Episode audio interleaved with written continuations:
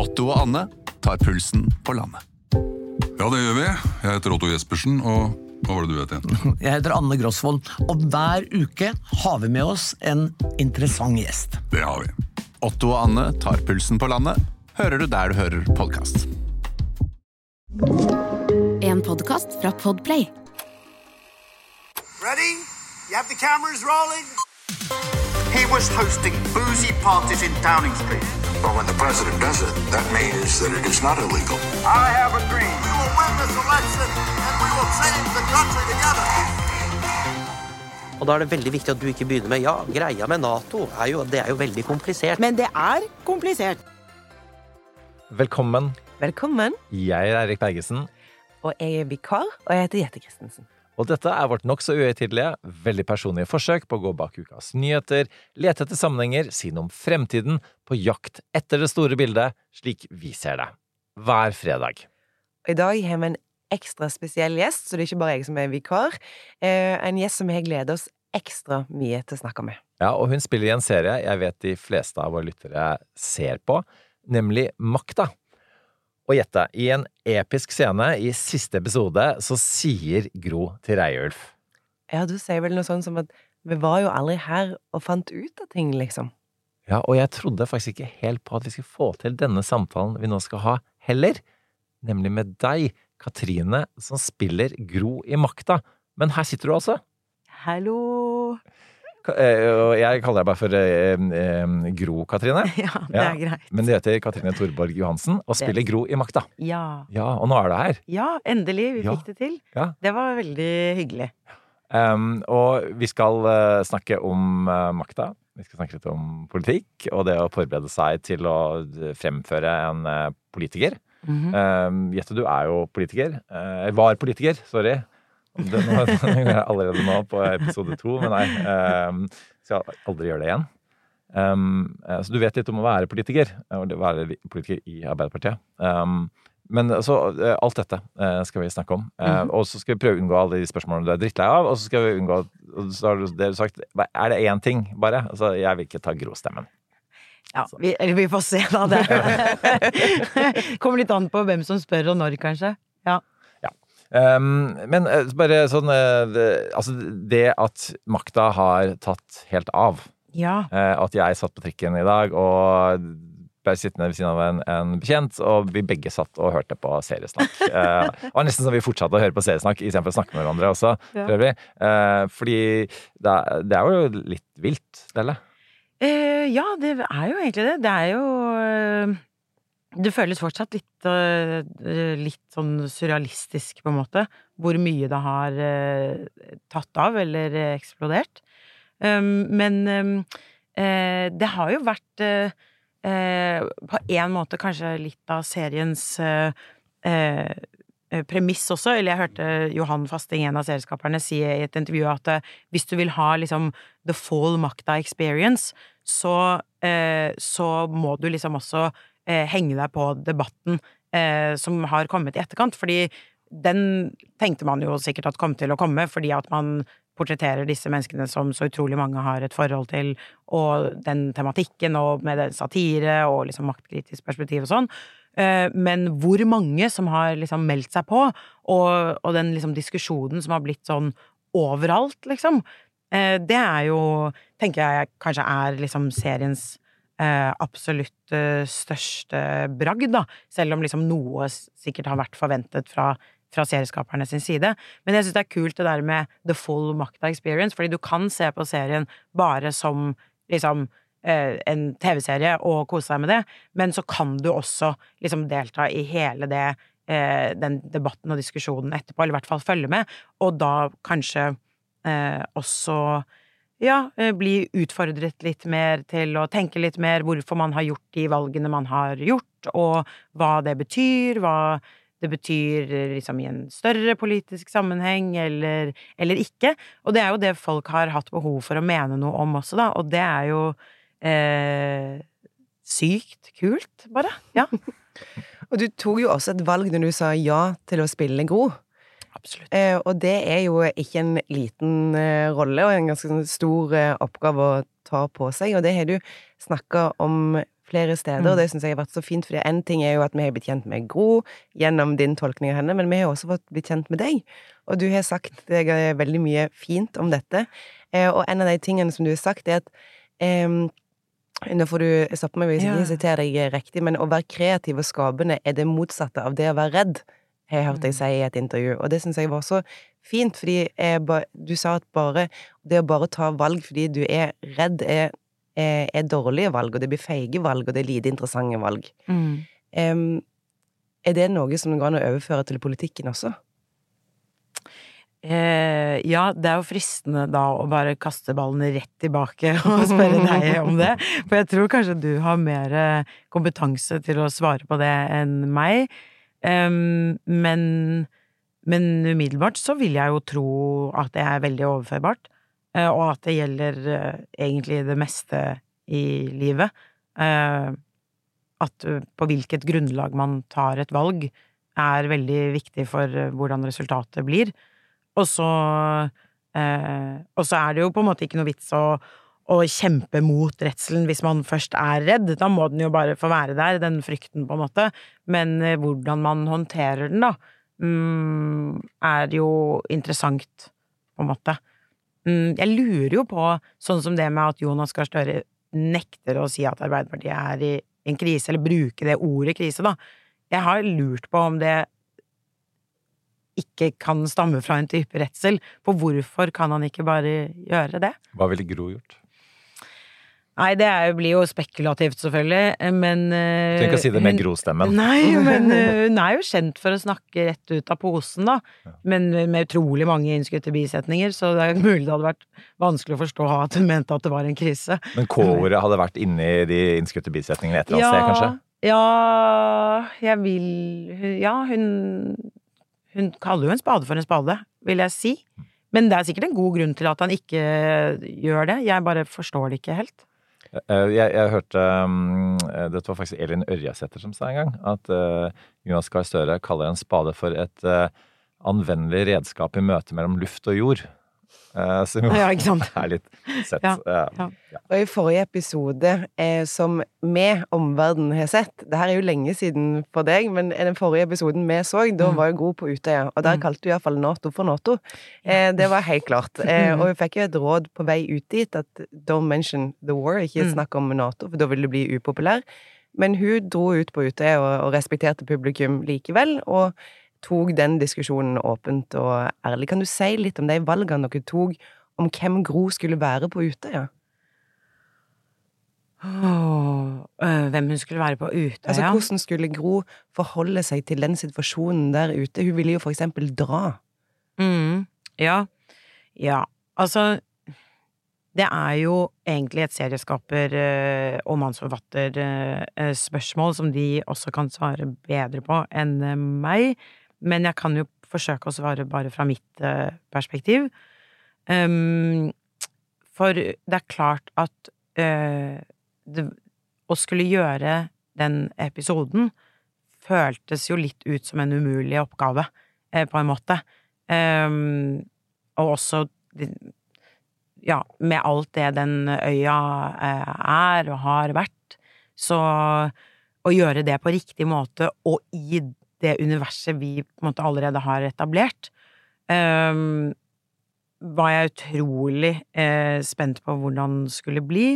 Men eh, samtidig så er det også sånn at hvis noen skulle gjort det, så måtte det vært disse eh, serieskaperne, fordi de Og i tillegg til han som er episodeforfatter på akkurat den episoden, Harald Mæhle jr., har gjort en helt formidabel innsats med å liksom sette seg inn i, i øyas historie og, og, mm, og har tatt i det med en utrolig klok og nennsom hånd, syns jeg, da.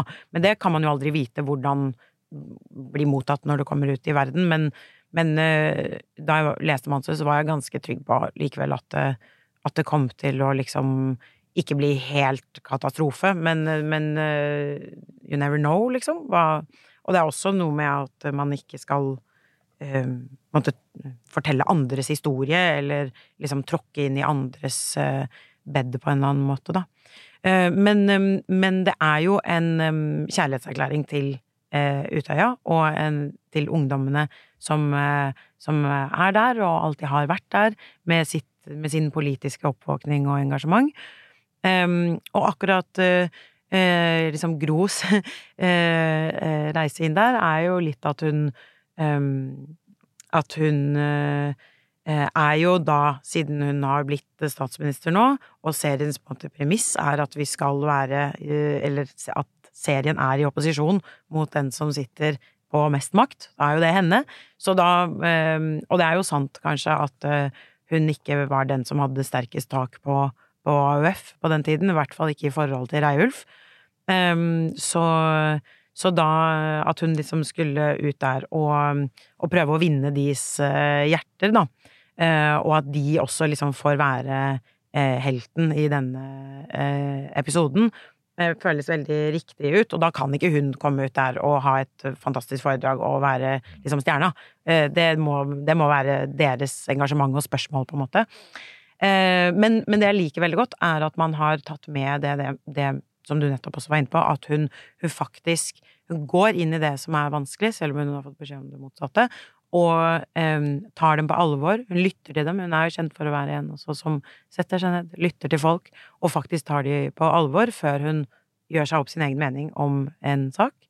Eh, jeg syns fortsatt det er veldig rart å sitte og fortelle deg, Jette, om Gro, for jeg føler at du selvfølgelig vet alle disse tingene og mye bedre enn meg, men eh, du får bare kaste deg på og fylle inn av det du har lyst til.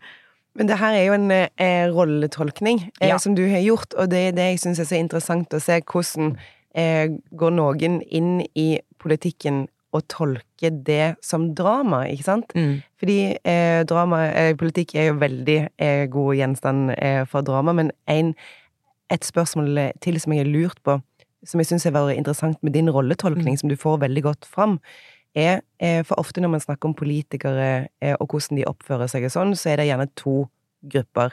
En som er den engasjerte politikeren, som mm eh, bryr seg, det bankende hjertet som liksom. eh, mm. eh, ja, ja. turer på. Mm. og så har du den som forbereder seg, og den som er nøye. Ja. men i din gro så får, Ja, men i din gro så får man jo begge deler. Eh, når, for eksempel når når hun, står utenfor Stortinget, og det kjenner jeg jo så godt igjen, eh, fordi politikken er jo veldig hverdagslig. Det mm. regner, dagen er lang, du står utenfor Stortinget med sekken din på vei hjem. Eh, og da er hun så oppbrakt i en episode fordi at noen er hun opplevd at noen der inne lyver om premisser om abort. Mm. Og det er første gang vi møter hennes forhold til løgn, ikke sant? Mm. Og, og det at noen misbruker et engasjement, altså det reagerer din Gro veldig på. Så hvordan klarer du, klarte du å balansere både det å være så engasjert, men så forberedt, da, som du eh, har gjort? Hvordan klarte du å få fram begge de følelsene samtidig? Um, og det var et utrolig fint spørsmål, og tusen takk eh, også for Tusen takk for at du har sett det, for det er eh, eh, for meg et veldig stort og flott kompliment, for det har jeg virkelig prøvd. Um, og det er flere svar på det, kanskje. Um, det første jeg vil si, er selvfølgelig det du er inne på med at det er en fiksjonell karakter. Ikke sant? Det er veldig mange som er sånn 'Hvordan fant du din Gro?' Eller 'Hvordan fant du Gro?' 'Hvordan er det å være Gro?' Og da må jeg alltid være sånn 'Ja, men jeg, jeg er ikke det'. Hvis jeg hadde trodd at jeg var Gro Harlem Brundtland, så hadde jeg vært schizofren. ikke sant? Jeg, jeg, kan aldri bli det. Uh, fordi jeg er en helt annen person. Jeg kom, kommer fra et helt annet Jeg har helt andre referanser enn det hun har. Ikke sant? Det er, um, det er Eh, man kunne spilt henne på hundre forskjellige måter, også ut fra hvilken produksjon og hva slags eh, premiss den produksjonen er laget på og for, ikke sant.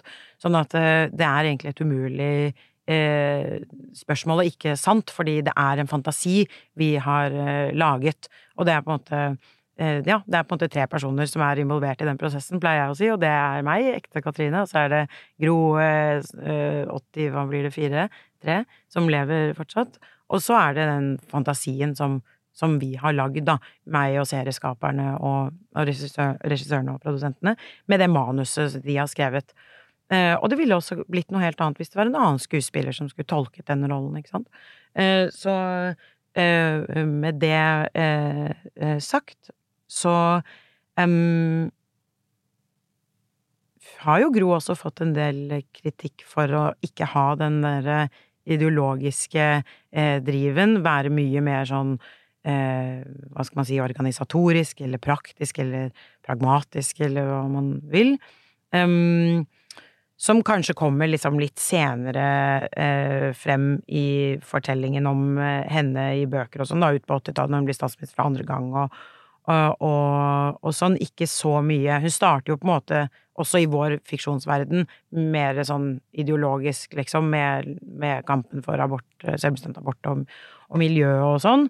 Eh, men, men så har jeg hørt henne snakke om det selv også, da føler jeg jo at hun beskriver det på en interessant måte eh, at det er mange måter å være ideologisk på, da, sånn som jeg leser henne.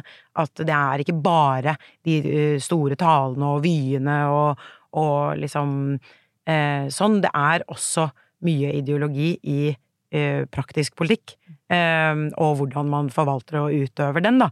Eh, som jeg syns også er et, det er et godt Gro-svar, men jeg, jeg, jeg er også enig. Men, men så tenker jeg jo at hun det med å være kompleks, da, være et komplekst menneske, det er jo eh, noe jeg har prøvd å jobbe mye med med den rollen, nettopp fordi det er en satire. Det er et Mm. univers hvor hele poenget, liksom premisset, er at ting skal settes på spissen og være um, liksom litt uh, forhøyet, eller, eller karaktertrekk skal liksom blåses litt opp for å liksom state et poeng. Em, så det er noe på en måte da uh, uh, litt sånn motstridende med å skulle tenke at det skal være komplekst. Men uh, jeg hadde likevel lyst til å prøve på det, da, fordi at Både fordi jeg syns liksom Gro har en utrolig spennende og både den virkelige Gro, men også min fiksjonsgro, eh, potensialet for kompleksitet. For det er så utrolig mange helt motstridende ting som finnes i ett menneske. Bare hvis man ser for seg Nå blir det veldig mye babling her, så dere får bare si Nei. stopp. eh, nå må vi snakke om noe annet. Men jeg, eh, men jeg kjører på helt til dere sovner. Um, men ikke sant, både det at hun har den her veldig teknokratiske, rett fram, liksom litt sånn beinharde eh, holdningen eh, i seg, samtidig som hun jo eh, har noe også ideologisk og brennende engasjement med seg. Og det at hun ikke Hun, hun, hun hun har liksom ikke evnen til å være noe annet enn det hun er. Hun har ikke evnen til å forstille seg, på en eller annen måte, som gjør at hun også blir kjempe, kjempesint ikke sant, i de debattene med Willoch. Halsen hennes flammer opp, og, og hun blir så ekte forbanna. Og også, og også så rørt, ikke sant, i så mange sammenhenger. Hvor hun sitter er sånn, så sånt, Hun er på sånn jule-TV sammen med Arne Olav på 80-tallet en eller annen gang, hvor hun sitter eh, ved siden av en, eh, en fyr som har hatt en, eh, en hørselsnedsettelse hele sitt liv. Og så har han, sitter han der med legen sin, hvor de har funnet en eller annen ny måte å operere på, eller et eller annet, så han har fått litt hørsel tilbake. Og så liksom sitter de og intervjuer han, panner over på statsministeren, som sitter oppløst i tårer, Mm. liksom, på sånn jule-TV, for hun blir så rørt over dette her.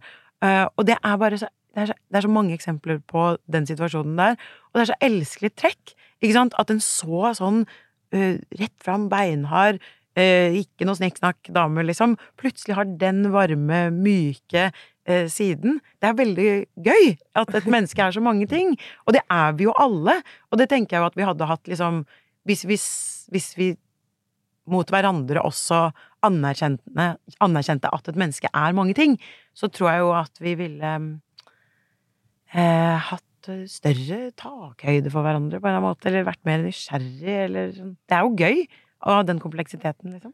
Ja, og, og, og grunnen til at vi ikke sovner, da, Katrine, når du prater om dette her, er jo ikke bare at vi er kjempe... Syke politiske nerds, men fordi eh, altså jeg da fra medias synspunkt, og du i et tidligere liv, Jette, fra politikkens synspunkt, liksom tror jeg vi begge strever med det der med sånn, ok, hvor menneskelig kan man være i politikken? Um, og, og, og, og fra medias synspunkt, jeg skulle jo ønske at politikere kunne være mer menneskelige. Og for den kompleksiteten som du beskriver, er jo for det er jo derfor Gro, som du, du tolker henne, er så populær. Politiker-Gro var og er fortsatt ganske omstridt, men alle hadde jo stemt på menneske-Gro, slik du fremstiller henne. ved valg, føler jeg. Eh, og Ja, jeg vet ikke, Du må spørre noen av de gutta litt sånn langt ute på venstresiden. Ja, du har sikkert fått noen meldinger uh, som Nei, faktisk Nei? ikke noe. Jeg har Nei. ikke fått noe sånn kritiske eh, meldinger i innboksen. Av veldig få. Eh, Du sa venstresiden nå, for at, Ja, eh, ja, de har jo ikke vært- høyresiden. Ja, for, Nei. for det har vært, Nei, men de har jo vært ute og som, eh, skrevet om uh, det, det ensidige helteportrettet av Gro Harlem Brundtland uh, i etter del én og sånn, da. Det kan jo hende de har fått uh, litt andre ting å tenke på nå, eh, i del to. Men, eh, men altså, det, jeg tar ikke noe Jeg syns det er kjempeinteressant å diskutere. Jeg blir ikke noe lei meg av det, egentlig. Jeg bare registrerer at det veldig ofte er eh, menn, litt eldre menn ut på, langt ut på venstresiden, som kommer med den typen kritikk. Fordi de mener at man burde si eh, Gro eh, førte politikken for langt mot høyre, Mm, og mm. Det er det som har ødelagt Arbeiderpartiet, på en måte. Eh, og det er jo en påstand man kan være uenig eller eh, enig i. Men jeg registrerer liksom bare at det kan jo hende at det er mange kvinner som mener det også, de bare har ikke sagt det. Men, eh, men, men den, liksom, den stereotypiske tilbakemeldingen føler jeg er liksom det. Som er helt eh, Altså virkelig, jeg er ikke Jeg syns det er kjempegøy at den er der, og, og gøy at diskusjonen er der. Jeg er ikke noe øh, sånn sår på det i det hele tatt. Eh, men eh, det, og så er det de kvinnene som jeg møter, som er kanskje over Særlig de over 50, som, eh, som på en måte vil snakke med meg og fortelle Hvor jeg ser at Gro liksom har betydd noe helt ekstra og annet for dem i deres liv, da. Det er liksom de to, hvis man skal snakke om tilbakemelding i to sånne baner, liksom. ja, så er det litt morsomt. Ja. Ja, fordi, eh, altså jeg, ehm, jeg skjønner jo også at det er sikkert også media sin feil eh, at politikere ikke får muligheten til å vise Ja. ehm, ulike nyanser av eh, sin personlighet, og at man Men så føler jeg nok også at fordi den tiden her da, som blir beskrevet, eh, og hvis man leser sikkert um, Du har lest mer bøker fra den tiden enn enn vi har, kanskje til og med til sammen, for å forberede deg. Så vidt jeg har forstått i intervjuer. Men, men det er klart at, at, at det, det var jo en tid hvor man kanskje Hvor ideene brant litt sterkere, i hvert fall sånn eh, også i media. Mens nå er ting litt mer profesjonalisert, det er liksom det er litt mer talepunktdrevet, og man er litt redde da, for å på en måte være for personlig, for at da får man dritt eh, fra ikke bare media, men nå sosiale medier. Ja. Eh, og jeg syns jo det er litt sånn synd, for jeg syns jo det noe deilige med, med Se makta er jo bare altså der, den der idékampen som jo er helt reell. Folk er jo kjempeuenige om de ideer, og det er ikke, dette er ikke bare eh, å, å snakke om å vinne debatter for debattens skyld eller fremheve seg selv. Dette er jo folk som faktisk har et ekstremt stort engasjement for og imot Nato. Mm. Og dobbeltvedtak er når man ligger våken om natta og tenker på. Det har kanskje du måttet gjøre som skuespiller. Ja, først og fremst ligget våken og prøvd å finne ut av hva dobbeltvedtaket er.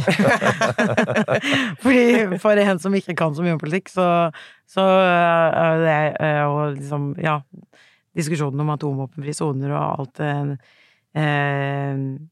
Alt det som skjedde i sikkerhetspolitikken på den tiden, da, det var jo mye greier.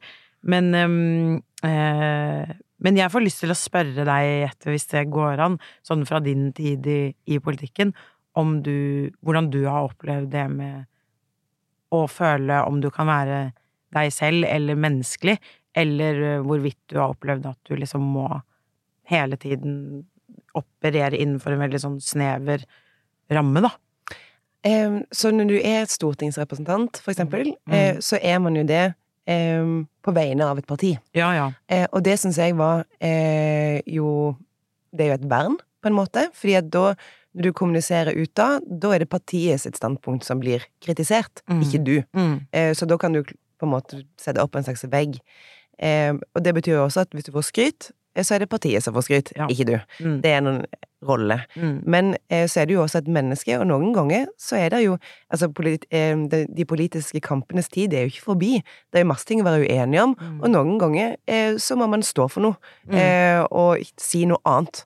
Eh, og det koster jo. Ja. Eh, og jeg har ikke gjort en sånn analyse om det mm, flere tilfeller av Selvfølgelig sier du det, for du er jo sånn nå. Mm. Eh, det er, opplevde man jo også på den tiden da makta er satt, men det er en utrolig begrensende bås å bli satt inn i, Mm. eh, og bli tillagt kun, kun, eh, meninger ut fra hvem du er og hvor du kommer ifra. Ja. Hele poenget og hele prosjektet med Gerhardsen og det som eh, også kommer fra makta, er jo at vi mennesker skulle være frie.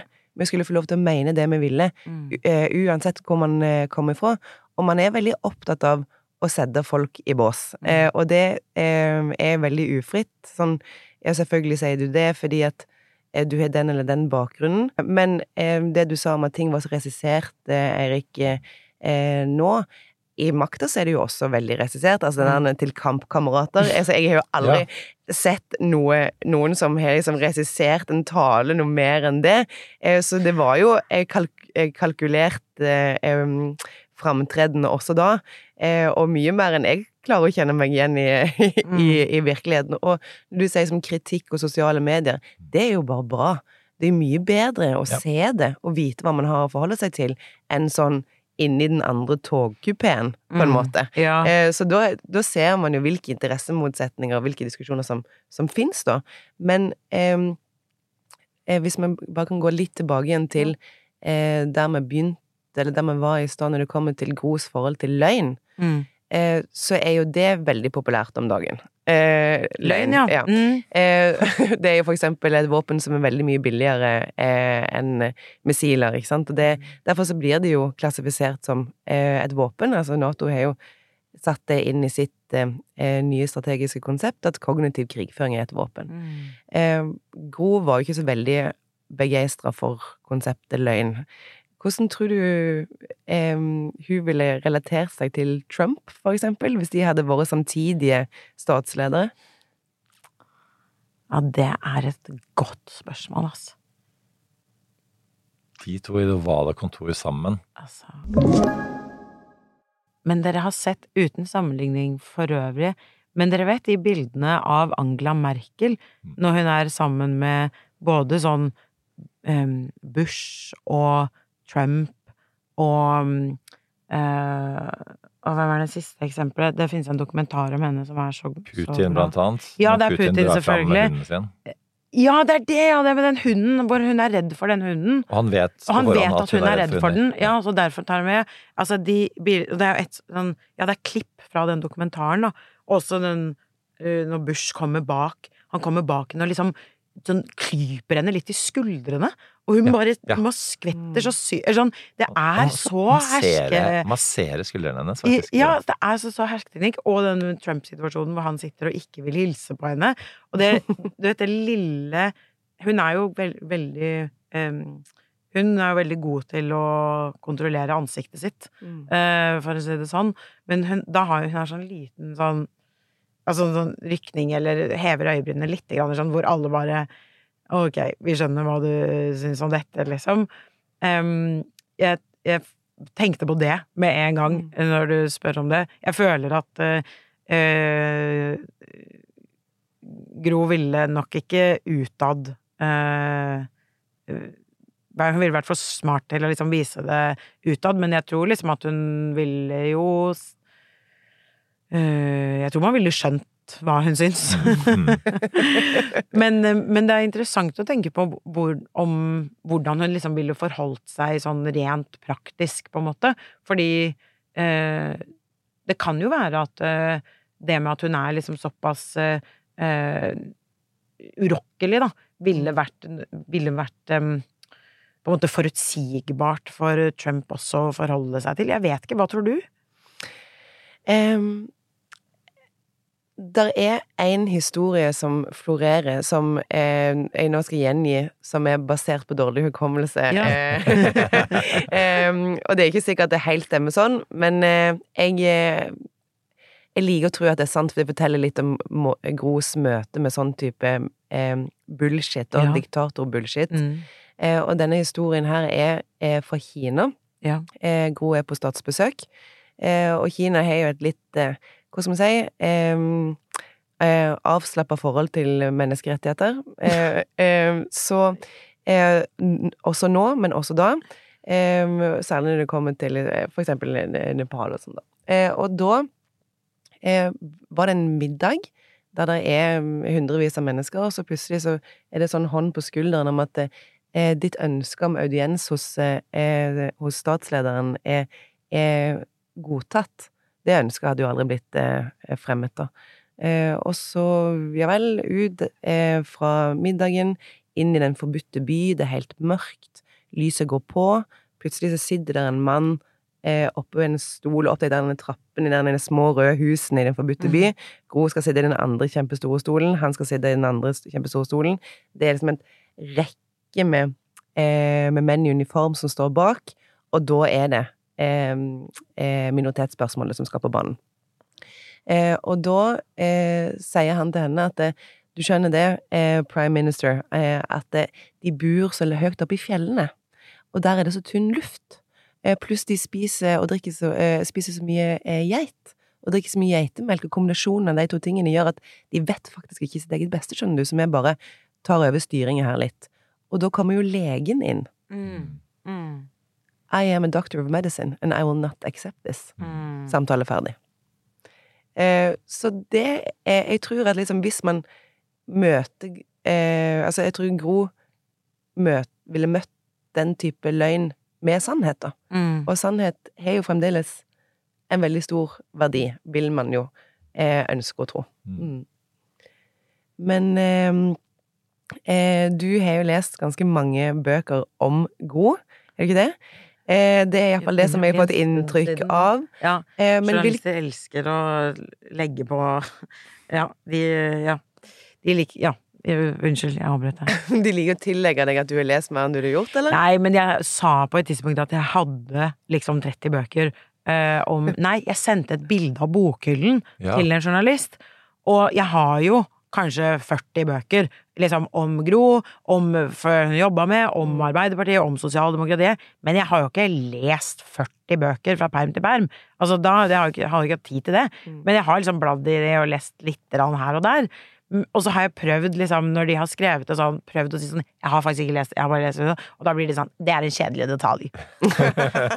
ja, men apropos sannhet, da ja, ja, vi, en liten skala hvor jeg blir sånn ja. Nei, men jeg har Dette skal vi klippe bort òg, for øvrig, så det kommer ingen, ingen noensinne til å vite. Eh, samtiden kommer til å tro at ja, du har lest alt. Ja, for det er en uinteressant detalj. Ja, men eh, ja, hva skulle du spørre om? om det? Det jeg lurte på, var jo bare eh, Hvis man har lyst til å lese noe eh, om eh, Gro i ekte liv, ja. eh, hvor ville du geleide en person da? Altså jeg, jeg har jo vært eh, og det, og det har serieskaperen også brukt som, eh, som eh, researchmateriale. Boken 'Makt og mannefall', mm. som er fra 1992, som er skrevet av Ingolf Aakon Teigne og Steinar Hansson. Hansen? Hansson. Hansson. Mm. Um, den er i stykker lest. Uh, og den er jo en slags Hva skal man si? Den er jo ikke en politisk biografi, eh, men eh, den tar et den, den, på en måte tar for seg Gros inntog i politikken, og frem til da eh, ja, ja, 1991, da. Eh, og, og se på henne både med liksom varme, men også med litt sånn kritisk distanse. Hun har ikke vært involvert i, i den uh, boken i det hele tatt selv. Mm. Uh, så den, eh, den uh, syns jeg er et uh, bra sted å starte. Så er det selvfølgelig Gros egne bøker, da. 'Mitt liv og dramatiske år'. det er jo hennes perspektiv. Jeg syns også Arne Olav sine bøker, ja. 'Gift med Gro' og 'Fortsatt gift med Gro', er veldig koselige. det er ikke sikkert vi har så mye med av det i vår serie, men, men Eh, for å få et inntrykk av um, han og deres samliv, som også jo ikke er så mye med i vår serie, da. Men, um, men det var det, det var mange gode anekdoter og historier.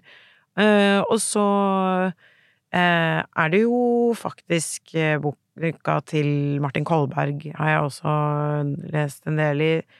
Det partiet om, om Gro, da, Tillitsmannen som jo også er skrevet av sammen med Hege Ulstein, som også har vært uh, manuskonsulent på vår serie, bare for å si det. Um, men uh, ja, ja, og det handler jo ikke om Gro, da, men uh, Men uh, man kan også pløye seg gjennom sosialdemokratiet i en skjebnetid av Halvor Finnes Trettvoll. Ble du altså du, Ok, du måtte jo ikke lese alt det. Du har åpenbart lest en god del. Jeg måtte egentlig ikke lese noe som helst, ja, for det hadde jo serieskaperne allerede gjort. Så det var jo egentlig Men betyr det at okay, betyr det at politikk, da, på en eller annen måte har fascinert deg?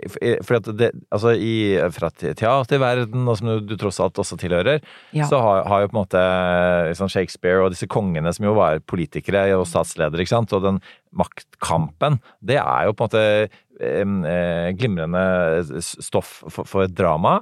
Eh, tradisjonelt. Og så føler jeg kanskje at sånn der, det var en periode hvor eh, hver gang det skulle være noe fra politikken, så måtte det være liksom at det et, et, et lik ble funnet på statsministerens kontor, og hvem hadde gjort det? Eh, og så var det noen politikere som gikk rundt der. Mens nå, sant, altså denne eh, siste episoden, sant, hvor, hvor du sa i et av det hverdagslige politikken, ikke sant, du både ser Gro som leiter etter et toalett, eh, og, og må veldig tisse, og, og at, at liksom du får noe sånn eh, ildfullt om, om eh, Chile og, og p- fra Allende og Pinochet-tiden.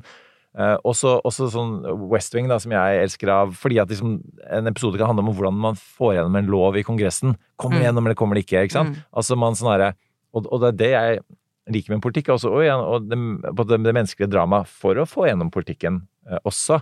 Uh, så spørsmålet er egentlig sånn hva, hva var det som gjorde at du ble høres ut av litt grepet av politikk?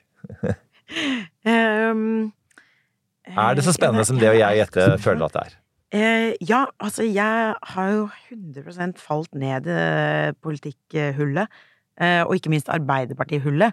Eh, for, eh, for å på en måte forstå Gro, så ehm, Så fremsto det jo også som viktig på et tidspunkt å prøve å forstå Arbeiderpartiet. Eller i hvilket, i hvilket tidspunkt liksom, i Arbeiderpartiet, som arbeiderbevegelsens historie at hun kommer inn i bildet.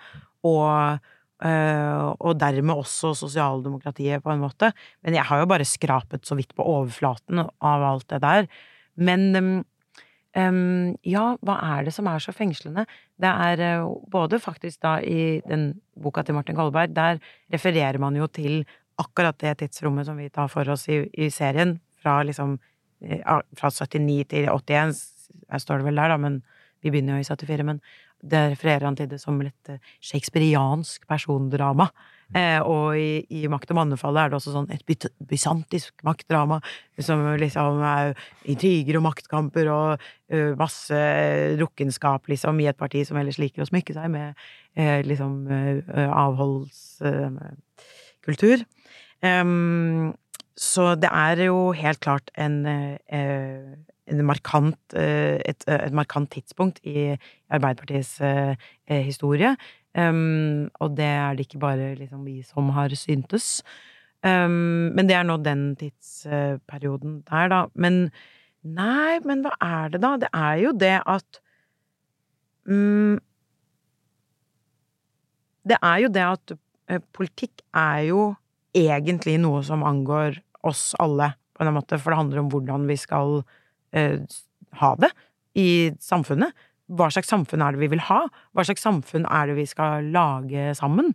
Eh, og jeg tror kanskje før at jeg har følt at, at politikk er litt vanskelig, eller litt fremmed, eller jeg liksom forstår det ikke helt. Og så plutselig, når jeg bare liksom begynte å lese litt, så, så bare Og da forstår man jo også mer og mer, og så plutselig forstår du sammenhenger, hvorfor ting er sånn som de er. Og jeg, mitt samfunnsengasjement har på en måte knyttet seg forsøksvis til det med å være eh, kreativ eller kultur, eller, eller liksom eh, Å bidra gjennom det. Men eh, plutselig så, så jeg fikk en litt sånn politisk oppvåkning, på en måte, eh, i form av at at det bare er utrolig interessant å se strukturer og hvorfor ting er sånn som de er, og at man faktisk har Vi har jo en påvirkningskraft Mm. som jeg tror mange ikke føler at vi har. Mm. Sånn som for eksempel nå da eh, etter det siste kommunevalget, hvor man ser på oppslutningen i, i Oslo, og så ser man liksom at det, eh, den, den varierer så utrolig ut ifra hvilken sosioøkonomisk status man har, og at på, liksom, på vestkanten der, der eh, er det mye høyere oppslutning enn enn i liksom steder med lavere sosioøkonomisk status. Eh, og hvorfor er det sånn? Og hva er det som gjør at de eh, som for eksempel ikke tjener så mye penger, da, føler at det er ikke noe vits å gå og stemme? For det må jo være det de føler. Mm. Og at de føler ikke at de har noe da liksom, hva skal man si, medmakt, liksom, i samfunnet de lever i. Og da blir jo jeg sånn Men hva hadde skjedd, eller hva slags oppslutning hadde Arbeiderpartiet eller venstresiden hatt hvis de også fordi naturlig nok tenker man jo kanskje at de ville stemt på de partiene som kan hjelpe de mest, liksom. Eh, men det er jo ikke sikkert. Eh, men, eh, men man blir jo bare veldig Når man begynner å se på det, så blir man jo bare veldig fascinert. Og fascinert over også de menneskene, selvfølgelig, som politikken tiltrekker seg, og akkurat den dualiteten som vi snakket om i sted, eller forskjellen på det å liksom være et eh, menneske som faktisk har lyst til å utrette en forskjell og gjøre eh, noe eh, godt i, her i verden, og den personen som er der mest for seg selv, på en eller annen måte. Mm. Eh, og er det mulig? Det tror jeg jo, men, men, men å bli slukt, liksom, av det maktspillet, eller det liksom eh, hierarkiske systemet, eller ønsket om makt, eller higen etter makt, det, det tror jeg også er fullt mulig, liksom, og det forstår jeg på en eller annen måte, for det ligner på min bransje også. Det er jo veldig mange ting som er ganske overførbart, faktisk, i form av liksom hvordan man navigerer i, i det å være enten skuespiller eller politiker, da, føler jeg. Men uh, På hvilken Eh, måte da? ja, nei, men det er det samme, det der med om man er der dypest sett uh, for seg selv og, og uh, for å få applaus, eller om du dypest sett er der fordi du tenker at du kan eh, Åh, det høres så klamt ut, da, men gjøre en forskjell, da. Ja, prosit. Skjønner at du måtte nyse av det. Ja. Så klamt at du måtte nyse. Ja. Beklager. Nei, det går veldig bra. Eh, nei, men det med at du faktisk eh, eh, vil på en måte prøve å utrette en eller annen liten forskjell, da, med, med, det, med det man gjør. Men altså, det, det- er faktisk eh, ikke bare fint sagt, men det er veldig beskrivende. Eh, Og jeg, jeg føler at sånn igjen, da, sånn litt sånn outsider-rollen som, eh, som en person som har fulgt liksom fra, fra media, og for så også fra byråkratiets side, um, politikerne i, i Utenriksdepartementet og sånn, um, så, så ser jeg Jeg på en måte ser ja, den reisen du beskrev i stad, da, uh, Jette, da du kom på Stortinget og da du gikk ut og så videre. Altså, um, jeg ser på en måte mange som eh, så Den samtalen hadde jeg med Carl I. Hagen en gang i tida, hvor han sa liksom at da, da han begynte i Frp, så var liksom alle på landsmøtet var folk som hadde var bare kjempeforbanna for at de ikke fikk bygge garasjen sin sånn som de ville. Eller Ja. bygge den i det hele tatt, liksom. Og, og så og noe helt hverdagslig, noe de føler på, så ser de å ja, men jeg kan jo gjøre noe med det ved å være med i politikken. Eh, og, og, og, og kanskje mer da på venstresiden. Altså, du skal redde elva som passerer rett ved eh, i nabolaget ditt, eller et eller annet sånt. Og så kan man bli fanget litt av det maktspillet. Eh, og så kan man bli eh, veldig dyktig til det, og så blir det Og hvis man ikke er dyktig til det, så har man egentlig ingenting med politikken å gjøre, så man må få det til på en eller annen måte. Men så kan det bli sånn at liksom, målet helliger midlene. Eh, og det er jo den gamle fra dramaet, sant, gudfaren, ikke sant, Michael Corleone, som prøvde å holde seg unna mafiavirksomheten til familien, men som bare ikke klarte. det. Altså when, yeah. when eh, det, sånn, they, Each time I go out, they pull me back in. Mm. Uh, og så ender han opp som den verste av de alle, fordi han er så dyktig til det. Ja. Uh, er, ikke sånn, er, ikke den, er ikke det en litt sånn skjebne som noen kan få i politikken? Men at, at de aller fleste går inn med veldig idealistiske motiver, føler jeg da. Egentlig på, på tvers av alle partier. Og så skal jeg si en, faktisk en fin ting om Trump òg. For det som jeg syns er, er bra med han, er jo at, at han det er akkurat det du beskriver nå, Katrine. De som føler at de ikke har en stemme, de som føler seg helt fremmedgjort fra politikken. Det er ikke noe for de. Dette er et system som ikke tjener oss. Det er oss mot dem og uh, makta mot folket. Så plutselig er det en fyr som kommer og sier hei, jeg ser dere, jeg hører dere, og, og, jeg og beskriver et samfunn som de kjenner seg igjen i. Og så tilbyr han igjen løsninger som jeg tror ikke er, er de er tjent med, som du er inne på. Men, men akkurat det at, at de faktisk lot seg engasjere politisk, for meg er det et mål i seg selv. Men det jeg gjør, da, er bare at uavhengig av hva du mener står for, eh, hvilket parti du stemmer for, at du faktisk blir engasjert og tenker at politikk er noe som hvor jeg kan ha en rolle, da. Mm. Syns jeg er en fin tanke, i hvert fall. Absolutt. Eh, og så så man jo på de TV-debattene når Trump begynte å stille som kandidat, at antall TV-seere, eh, antall millioner TV-seere, todobla seg. Det betyr at det var mange folk som aldri hadde mottatt et politisk budskap før, eh, fikk det for første gang Ja. av han. Ja. Han var deres døråpner inn i hvordan politikken ser ut, og hvordan politikken skal være. Eh, og så eh, går det an å si at det var mange, mange som eh, følte at ja, du ser oss og sånn, men det engasjementet hva var motivasjonen for det engasjementet? Var det en motivasjon for å bruke følelser Mm. eh, for å oppnå noe? Eh, og følelser eh, kan man jo bruke for å få makt, og det, som er veldig, veldig skummelt med oss mennesker, er jo at det, eh, eh, følelser og tillit kan bli brukt mot oss som eh, våpen, da. Enten for å øke oppslutning eller ikke. Men hvis noen som har den fremferden, får høy oppslutning, så må jo eh, de andre eh, gjøre noe annet. Eh, fordi at disse menneskene ønsker jo å engasjere seg, er engasjert. Da nytter det ikke å sitte på sidelinjen og være sur og stille til valg og si 'stem på meg, for jeg er ikke han andre'. Da må man jo gjøre noe eh, for, for, å, eh, for å skape et engasjement og en troverdighet. For det du eh, sa, Katrine, er jo at hvis man eh, har en sjøltillit på at det betyr noe at det går å stemme, Mm. eh, så gjør man det. Mm. Eh, og det går faktisk an å måle politisk selvtillit, og det er målt, og den er skjevfordelt. Ja. Eh, fordi at eh, Hva er det faktorene som tilsier at man går og stemmer? Står det noe på spill? Eh, er, det sånn, er det sånn at jeg ser forskjellene mellom partiene? Ja. Eh, og er det sånn at jeg eh, har noen her som jeg føler jeg kan eh, relatere til? Mm. Føler jeg at jeg blir representert? Ja. ja. og de tre faktorene der er eh, utrolig viktig for å få med seg hele velgermassen. Fordi at eh, Norge har jo relativt høy valgoppslutning, men er vi fornøyd med at det er så å si er halvparten av eh, Norges befolkning med stemmerett som bruker den? Er det nok, liksom? Jeg er Ja, litt usikker på nei, vil jeg jo si. ja. Men tror du det handler om det eh, som, som du var inne på i sted, eh, Erik, med det at alt er blitt så profesjonalisert? At det, at det gjør også at det på en måte er vanskeligere å skille eh, politikerne fra hverandre på en eller annen måte, fordi alle kommuniserer litt sånn likt? Eller, eller hva tror du det på en måte eh, bunner ut i? Eller hvis man skulle gjort noe med det, hva skulle det, hva skulle det vært, da? Altså, jeg um, hadde som jobb uh, i, i UD å få ting til å høres bedre ut enn det det egentlig er. Ikke sant? Ja, og det var så å forsterke, liksom, som vi snakket om her i stad, så forsterke positive ting og redusere det, det negative. Ja. Um, eh, og så eh, og så- Men samtidig så bare følte jeg bare sånn her Jeg tror liksom alle byråkrater eh, sav, Altså det de egentlig ønsker seg, da. De ønsker seg ikke en, en, en politiker som, som vinner alle kampene, eller, eller tilsynelatende alle liker. For det er det, ofte det man prøver litt for mye på. Er bare en person som står for et eller annet.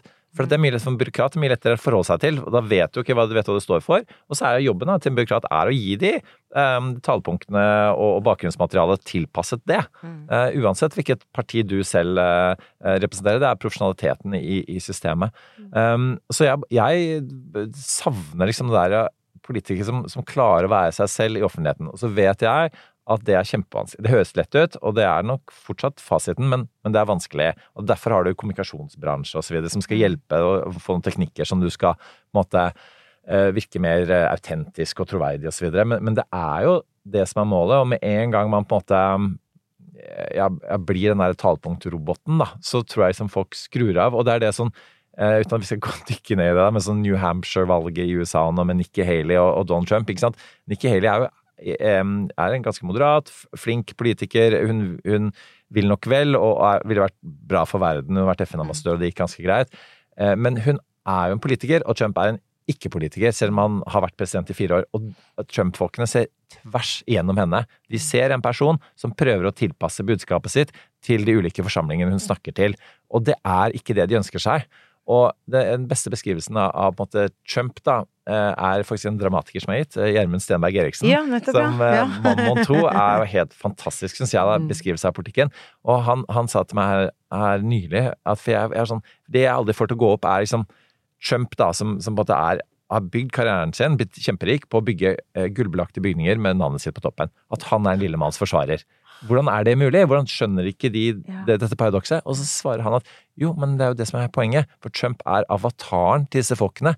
For han har, fordi han tilhører elitene, så kan han gå inn i disse rommene og bare kick ass. Og bare sette fyr på huset. Og det, det er jo det de vil. At noen skal eh, sparke rundt seg og, og, sette fyr på ting. Fordi de liker ikke systemet. De vil i hvert fall at systemet skal liksom filleristes, eh, og helst at noe annet skal komme. Eh, og, og det, er, det, er, sånn det, det, tror jeg stemmer veldig godt. Eh, bedre enn all verdens eh, eh, statsvitenskapelige analyser. Mm. Fordi, og, og det er liksom men, men, og du nevnte den boka 'Alt du kjenner skal brenne' eh, forrige uke, Jette. Eh, som er en beskrivelse av litt sånne ja, litt ekstreme magamiljøene da, i USA. Å, den vil jeg lese. Jeg ja. Vegard Tenål. Ja. Eh, den, eh, den må du lese. For, at, for at de, de, vil jo brenne ned ting. Eh, og så er det kanskje ikke så veldig tro på at pyromanen, da, som de har valgt, skal bygge opp igjen ting. Um, men dette er også politikk, og som du sier, da må du tilby noen bedre politiske løsninger. Da. Du kan ikke bare si at 'hei, jeg, jeg er ikke Trump'.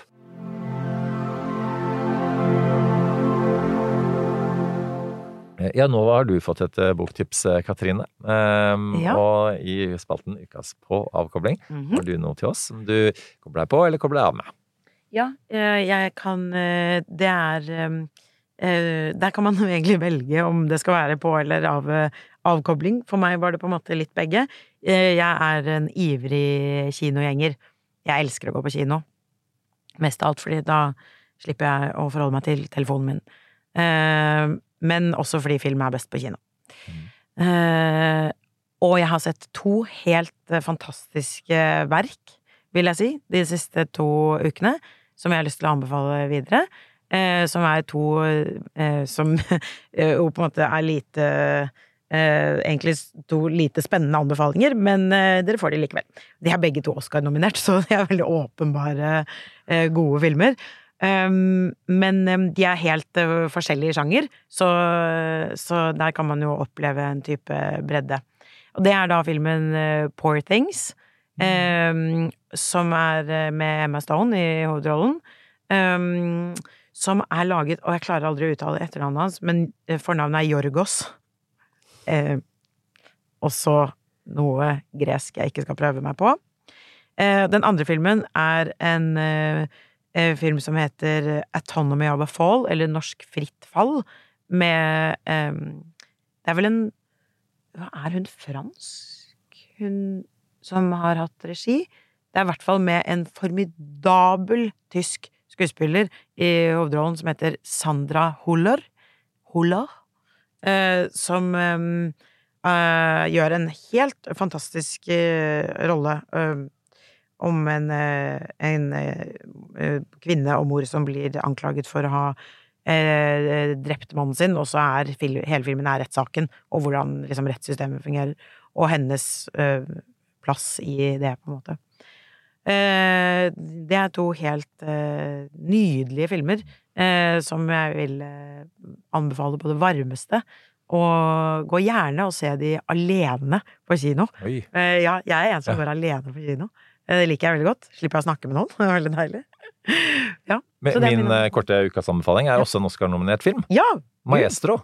Ja, du har fått sett den? Jeg har ikke sett den ennå. Har du ikke sett den? Nei. Bradley Cooper, fantastisk eh, rollefortolkning av ja. Leonard Bernstein. Også noe sånn kanskje eh, altså, filharmonisk eh, musikkomponist og dirigent. Hvem skulle tro at det var spennende? Ja. Eh, litt ref, eh, dobbeltvedtak osv. Er det spennende? Jo, men har du liksom? ikke sett filmen Tar? Den er amazing. amazing. Ja.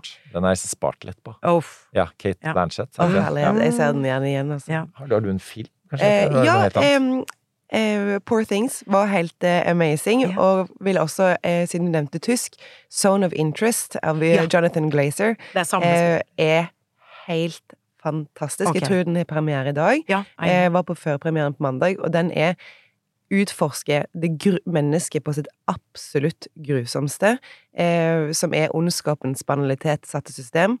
fordi det handler om en familie som eh, der farens jobb er, er å organisere eh, jødeutryddelsen. De bor med et svømmebasseng rett over grensen, eh, altså med muren eh, til Auschwitz som enden på hagen. Å, oh, gud, nei. Oh. og det her, eh, nå høres jo jeg helt vill ut som anbefaler denne filmen, men den er, det er nydelig, et nydelig verk.